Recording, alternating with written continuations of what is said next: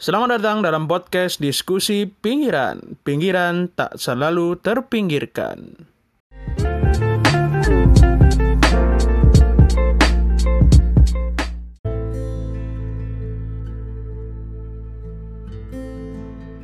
Assalamualaikum warahmatullahi wabarakatuh. Kembali lagi di diskusi pinggiran. Edisi kali ini kita akan membahas terkait um, larang melarang belakangan ini kita di negeri kita nih di akhir tahun 2020 diramaikan kembali uh, oleh isu pelarangan suatu ormas. Nah kali ini kita bakal bahas terkait di kitaran pelarangan-pelarangan dan pembubaran-pembubaran lah dari uh, ormas-ormas atau eh, organisasi-organisasi uh, yang pernah ada di Indonesia.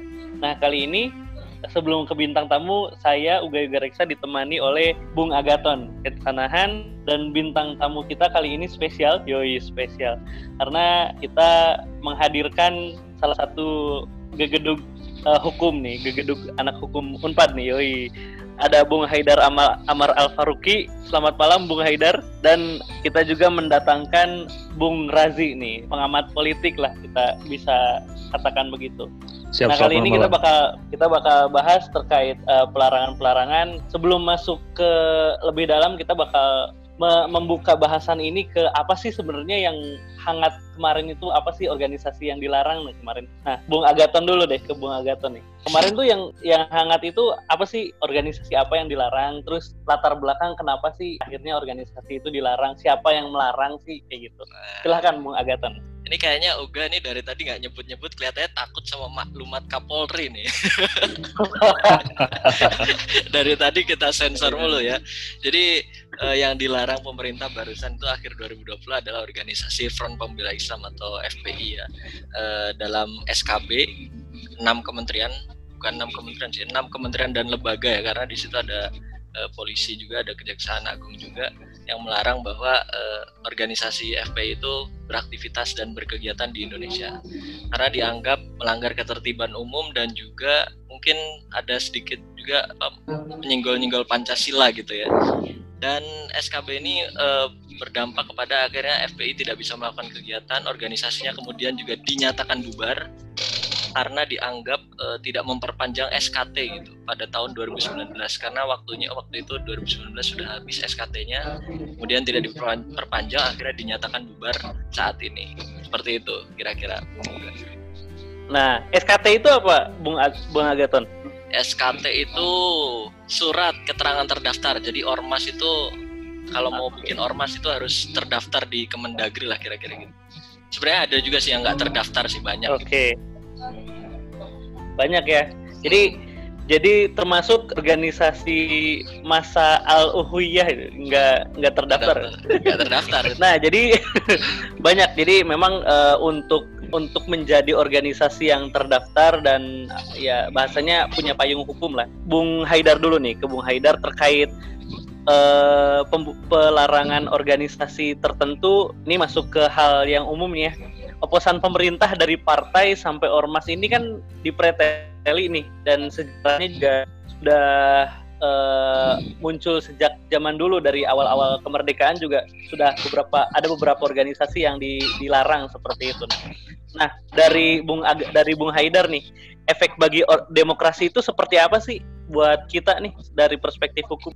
Kalau menurut gue sendiri ya, kalau melihat dari SKB dan maklumat yang dibuat oleh uh, menteri dan lembaga terkait, ini kita bisa lihat ini sebenarnya sah atau tidak sah dari proses dan substansinya kita lihat. Nah sebenarnya kalau kita lihat dari uh, ormas yang sudah dibubarkan dulu-dulu ya dari PKI, kemudian ada Ahmadiyah, nah ada HTI, ada yang sampai sekarang ada API gitu ya. Nah dari lima ormas itu istilahnya ya apa namanya organisasi lah ya. Hanya satu yang menurut saya menurut gua itu dia melalui prosedur yang benar gitu ya. melalui due process of law yang benar. Karena apa? Karena sebenarnya setiap pembubaran itu pelarangan itu harus ada putusan pengadilan yang mengikat gitu untuk melarang mereka untuk tidak berkegiatan lagi gitu. Sedangkan yang FPI ini kalau kita lihat di SKB-nya, itu dia melangkahi prosedur daripada pembubaran.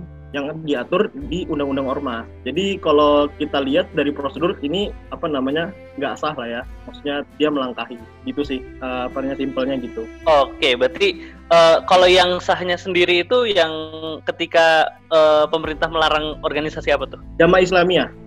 Oh, jamaah Islamiyah. Nah, jamaah Islamiyah dulu itu kan dia terorisme ya, dia melakukan tindak terorisme, kemudian dia diadili pelakunya, kemudian dari putusan pengadilan pidana terorisme itu memutuskan bahwa jamaah Islam Islamiyah itu uh, dilarang untuk berkegiatan gitu. Jadi jelas gitu ya, apa standing legal standingnya jelas dia itu dilarang jelas. Ya. Tapi kalau misalkan FPI, FPI kan apa namanya tiba-tiba SKB keluar, kemudian juga ada maklumat yang keluar ini menandakan bahwa sebenarnya uh, apa ya ada tendensi daripada pemerintah untuk mengkat lah, memangkas kegiatan FPI tanpa ada prosedur hukum yang jelas gitu, gitu sih. Oke. Okay. Okay. Jadi Bung Haidar, okay. kan ini kalau misalnya kita ngelihat SKB itu tadi uh, ada penilaian bahwa itu tidak jelas itu sebenarnya kalau dalam ranah hukum itu itu masuknya itu ketatanegaraan itu administratif atau itu pidana itu sebenarnya masuknya ke mana sih SKB ini?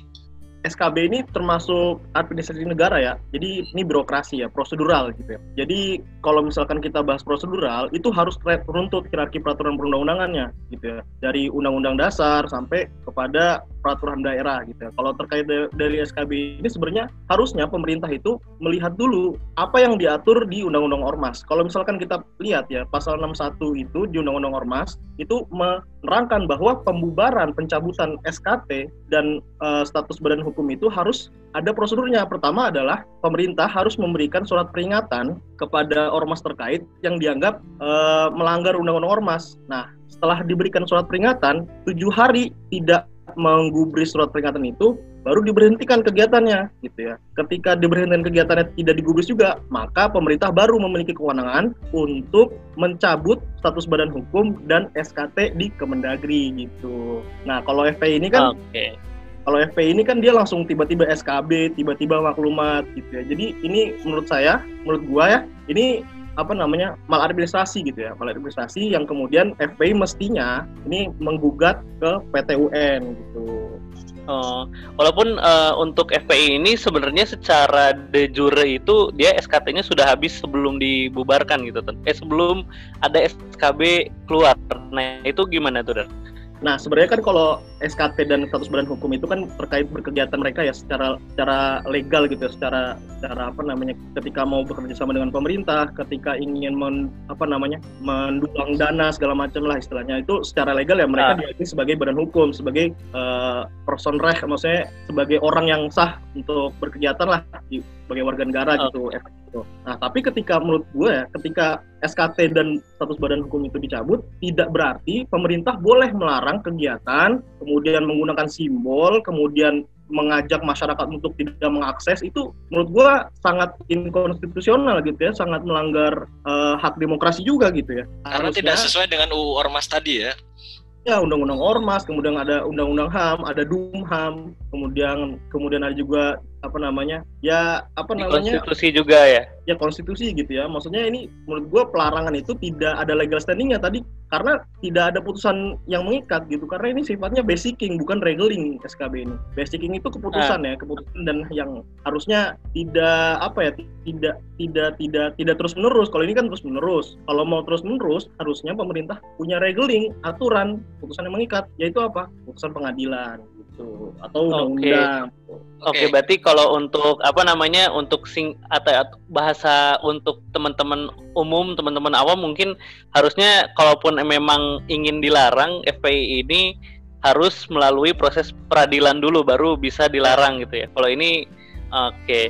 Kalau untuk uh, apa namanya efek bagi demokrasi sendiri gimana nih, Dar? Ya efek demokrasinya terutama Pak Ormas ya. Sebenarnya gue ini melihat undang-undang Ormas ini kalau dalam penyelesaian sengketanya itu belum apa namanya belum memenuhi tiga aspek yaitu state, civil society sama uh, civil apa namanya private private apa namanya ya korporasi lah jadi tiga tiganya itu okay. masih seimbang jadi state ini masih lebih condong gitu ya mestinya harus ada penyelesaian negara yang seimbang yang kemudian itu tidak merusak demokrasi lah gitu artinya di sini undang-undang ormas sendiri sebenarnya belum belum sifatnya belum demokrasi gitu belum menerapkan prinsip demokrasi gitu hmm, berarti untuk uh, apa namanya me menyoroti undang-undang ormas ini uh, state masih uh, dominan daripada civil society sama corporate ya. Ya, gitu. Oke. Okay. Nah, uh, ke sekarang ke Bung Razi nih dari perspektif politik nih,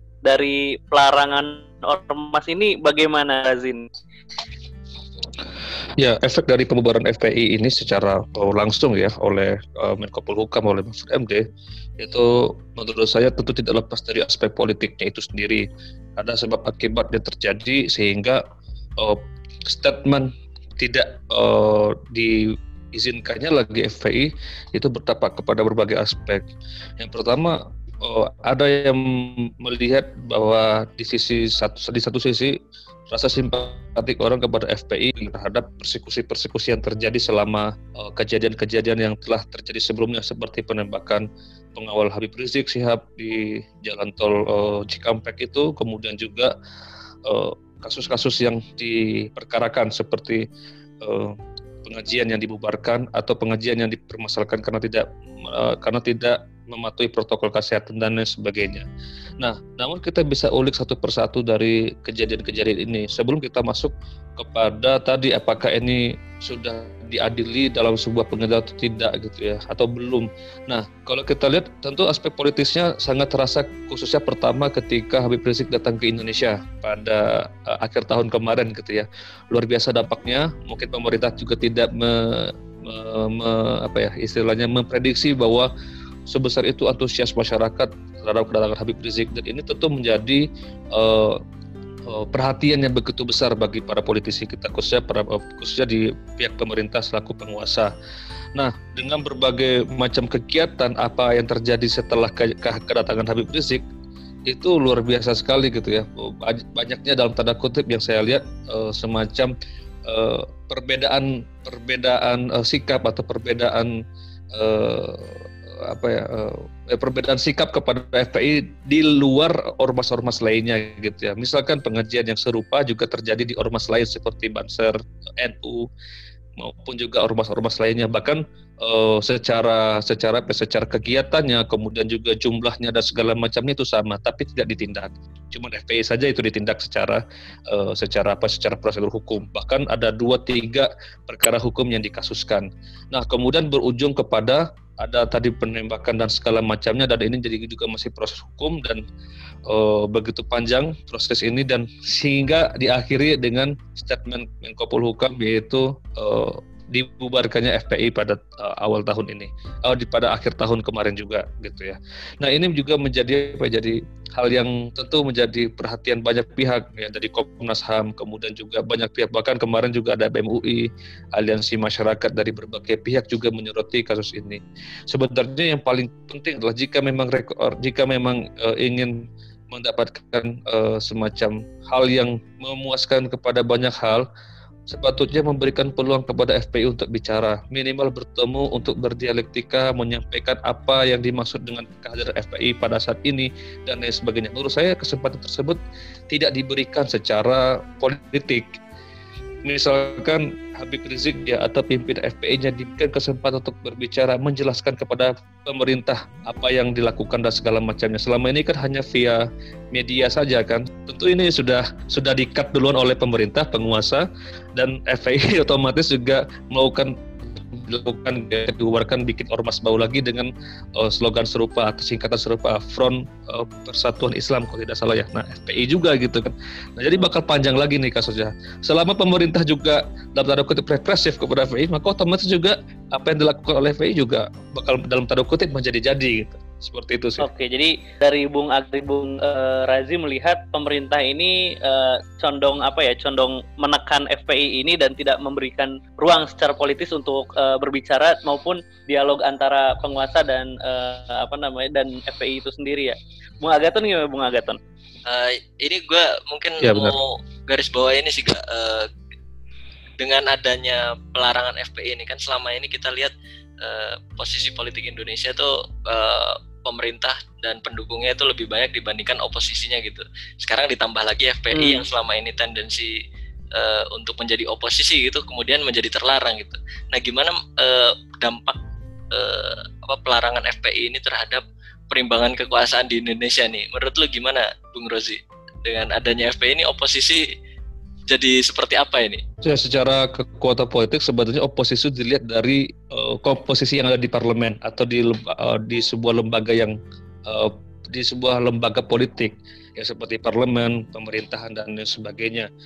Dan memang sangat-sangat kopong gitu ya posisi oposisi bahkan auto, automatically ya cuma satu dua partai saja.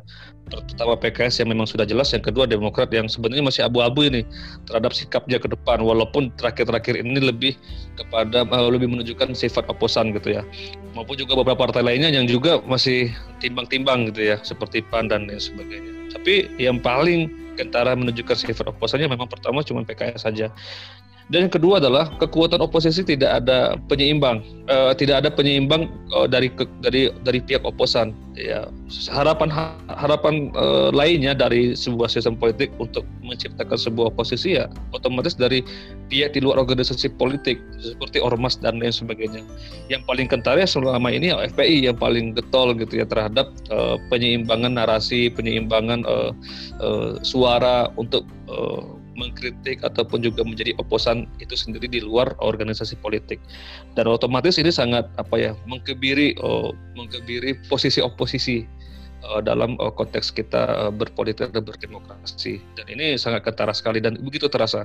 Hanya ketika saya melihat oh, PKS me menekan pemerintah segala macam dan itu tidak akan berbuah apa-apa kalau misalkan karena, memang karena sedikit ya. oposisi ya. dan kekuatan oposisi yes karena sedikit jadi semacam ini tidak akan ber, berguna ini apa yang disampaikan apa yang diperjuangkan selama tadi sebenarnya output dia paling besar jika ingin menyeimbangkan kekuatan yang begitu dimonopoli dalam tanda kutip ya oh, kekuatan-kekuatan politik yang dimonopoli oleh pemerintah ya memang hal-hal yang sifatnya besar juga mungkin seperti people power dan lain sebagainya. Memang menunjukkan uh, sikap-sikap yang masif uh, menekan pemerintah dan segala macamnya sehingga itu bisa dilihat sebagai kekuatan baru gitu. Jadi ya. harus ke arah sana tampaknya gitu. Jika eh, kita secara, tidak bisa lagi berharap kepada yang sifatnya. Ya secara teori Gimana? sebenarnya kan uh, ormas itu bagian dari infrastruktur politik kalau kita bicara teori ya. Karena ada infrastruktur di DPR uh, eksekutif kemudian uh, lembaga hukum gitu kemudian ada infrastruktur juga ormas tokoh masyarakat rakyat secara langsung gitu yang mengawasi sistem hmm. politik suatu negara hmm. gitu ya itu kalau dikebiri kan okay. mungkin jadi jadi ini juga kan apa yeah. namanya yeah. kekuatan oposan hilang gitu ya yeah. Ya, nah secara garis besar keberadaan organisasi di Indonesia itu dibedakan jadi dua sebenarnya kan. Ada organisasi politik, parpol, ada organisasi non politik. Nah, beda dengan or, organisasi non, non parpol, organisasi terbentuk uh, ya berbentuk parpol biasanya mendapatkan perlakuan karena memberikan diberikan kesempatan untuk masuk ke dalam lembaga-lembaga politik itu sendiri. Nah, namun uh, tadi Biji katakan kalau Agaton mengatakan bahwa ada uh, ormas termasuk organisasi politik, sebenarnya konteksnya dia merupakan semacam organisasi non parpol yang uh, non politik dalam kutip uh, keberadaannya tidak masuk ke dalam sebuah sistem politik itu sendiri. Jadi keberadaannya uh, di luar dari sebuah sistem atau di buat di, di luar dari sebuah politik yang tersedia itu sendiri seperti itu. Oke, Bung Roji. Ini mungkin kita kembali ke sisi hukum nih, enggak? ya, ya untuk sisi hukumnya nih uh, kita masuk ke Bung Haidar ya uh, Bung Haidar nih kan kita sebenarnya untuk apa namanya pembubaran-pembubaran dan pelarangan-pelarangan ini kan sudah terjadi sejak lama nih uh, dari awal dari awal kita dari awal kita merdeka pun sebenarnya sudah ada nih. Nah, uh, sebenarnya dari pelarangan-pelarangan tersebut tuh negara tuh harusnya bagaimana sih? Apakah memang dengan, uh, ketika ada ormas-ormas yang uh, atau organisasi apa pun itu yang tidak sejalan dengan ideologi negara lah uh, atau kayak atau seperti apa gitu melihat dari kasus uh, tadi DI terus uh, apa namanya uh, sekarang dilarang FPI dulu PKI bahkan ada taf tap MPR-nya uh, juga Masyumi juga dibubarkan kan ya secara partai politik. Nah itu bagaimana nih uh, harus selalu melarang-melarang yang katanya kita negara demokrasi ini uh, harusnya bagi? Uh, ya sebenarnya apa ya kita kan negara demokrasi ya maksudnya kita diberikan kebebasan untuk berserikat berkumpul memiliki ideologi gitu ya belajar dan segala macam berekspresi gitu ya. Uh, itu itu boleh boleh saja cuman ketika memang sudah ada apa namanya uh, hal-hal yang menganggap kepentingan negara juga mestinya uh, negara tegas untuk menindak itu. Tapi yang perlu digarisbawahi adalah bagaimana pemerintah memberikan se, apa namanya sesuatu wadah untuk kemudian ormas-ormas yang dianggap seperti itu bisa mem memperjuangkan haknya gitu due process of law gitu ya, di pengadilan gitu. Jadi mem negara memberikan bukti, kemudian civil society dalam hal ini uh, ormas juga memberikan bukti dalam uh, dilakukan perangan oleh negara gitu oleh oleh state gitu. Ya. Jadi yang perlu yang saya sarankan sebenarnya itu uh, pemerintah harus merubah ya merubah undang-undang ormas ini yang diskriminatif memberikan mekanisme penyelesaian sengketa pembubaran ormas sehingga jelas pembubaran dan pelarangan itu suatu hal yang berbeda dan memiliki legal standing. Eh, dari Bung Razi mungkin terkait uh, demokrasi dan uh, kebebasan berserikat. Nah, kita uh, berjalannya apa namanya uh, umur umur negara kita sudah 75 tahun uh, dan apa namanya di 2020 kemarin ini ada pelarangan. Nah, bagaimana nih ke depannya apakah akan terus terus seperti ini mengingat juga uh, oposisi oposisi sangat sangat atau mungkin ya yang harusnya kan memang dewan itu menjadi oposisi oposisi pemerintah kan DPR itu karena sifatnya iya. mengawasi. Nah, dengan kondisi seperti ini uh, terus juga pelarangan juga ternyata masih sangat mudah dilakukan oleh uh, negara. Nah, bagaimana nih ke depannya nih? Negara uh, sebuah negara wajar untuk melakukan semacam pembatasan hak syarat-syarat dari sebuah ormas kemudian tidak boleh melakukan ini dan itu dan kita sudah memiliki batasan-batasannya secara undang-undang dan lain sebagainya. Misalkan uh, melindungi demokrasi, ideologi negara, konstitusi dan lain sebagainya yang memang sudah tercantum dalam undang-undang kita yang sudah dijelaskan sama uh, Mas Haidar sebelumnya. Namun permasalahannya adalah uh, rep, sifat represif kepada satu dua kelompok atau satu dua pihak saja yang menjadi hal yang kentara dan menunjukkan semacam kesan uh, kesan yang berbahaya atau kesan yang begitu represif kepada satu dua pihak saja. Nah ini yang terjadi selama ini ada munculnya ke dalam tanda kutip ketidakadilan dalam melakukan sebuah tindakan gitu oleh pemerintah baik itu dari kepolisian maupun juga dari eh, lembaga-lembaga uh, terkait gitu dan ditambah lagi uh, di uh, dengan kebebasan berpendapat apalagi dengan adanya sosial media, internet dan lain sebagainya justru malah makin memperluat uh, masyarakat mem membingungkan orang orang-orang banyak terhadap kebenaran dari uh, sebuah uh, berita maupun juga fakta. Nah, seharusnya ini menjadi bisa menjadi pembaharuan yang baru gitu ya bagi uh, demokratisasi Indonesia bahkan dunia gitu ya. Karena kan pembaharuan dari teori-teori yang ada selama ini harus dilakukan dengan perkembangan zaman yang begitu cepat. Uh, jadi ini juga menjadi saran yang baik bagi para ilmuwan politik untuk bisa memperhatikannya, khususnya untuk Indonesia. Uh, jadi seperti itulah intinya. Jadi negara wajar, negara dipersilakan untuk membatasi hak-haknya selama tidak melanggar konstitusi dan undang-undang yang ada. Tapi sifat sikap untuk adil dalam melakukan sebuah tindakan khususnya dalam proses hukum dan segala macam ini harus menjadi uh, perhatian bersama sehingga tidak terjadinya uh, perspektif atau persepsi yang buruk gitu ya bahwa pemerintah berat ke, berat sebelah hanya berpihak kepada ini dan itu saja dan lain sebagainya. Uh, jadi kebijaksanaan dan kebijaksanaan pemerintah begitu dinanti oleh masyarakat dengan memberikan ruang-ruang uh, klarifikasi, ruang-ruang diskusi yang lebih luas lagi, sehingga kejelasan dari dua belah pihak itu bisa dilakukan dengan uh, baik, dengan adil dan juga dengan bijaksana tentunya. Jadi ruang-ruang itu yang harus diberikan sebelum masuk kepada eh, hal-hal uh, yang setelahnya seperti peradilan dan lain sebagainya sampai ke pembubaran. Oke, okay. Uh, mungkin ini uh, dari sisi hukum uh, kita ingin melihat nih sarannya ke depan seperti apa dengan adanya Eh, pelarangan-pelarangan uh, yang tadi dianggap uh, maladministrasi nih Bung Haidar? Uh, siap Bang Bung Agaton. Uh, menurut gua sih ya sarannya itu pertama cabut dulu deh itu apa namanya maklumat dan apa namanya maklumat dan SKB-nya. Kemudian kemudian pemerintah menerapkan dulu proses yang sudah diatur di Undang-Undang Ormas. Nah, setelah itu, kalau misalkan memang ada etikat baik dari pemerintah untuk memajukan demokrasi dan apa namanya prinsip negara hukum, maka Undang-Undang Ormas ini segera harus dirubah gitu ya. Diberikan mekanisme yang jelas dalam hal pembubaran dan pelarangan ormas gitu. Jadi tidak semena-mena dalam membubarkan dan melarang eh, kegiatan ormas sedangkan itu dijamin di konstitusi kita dan undang HAM, DUMHAM dan segala macamnya itu dijamin. Gitu sih. Oke, ya uh, mungkin uh, itu pembahasan dari pada uh, pelarangan ormas uh, Front Pembela Islam yang kali ini kita bahasanya cukup seru ya dari sisi hukum dan sisi politik ya.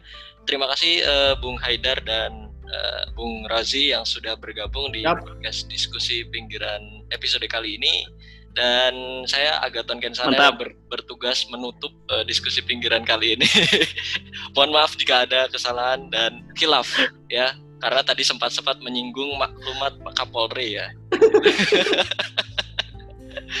Terima kasih. Sampai jumpa kembali di podcast diskusi pinggiran selanjutnya.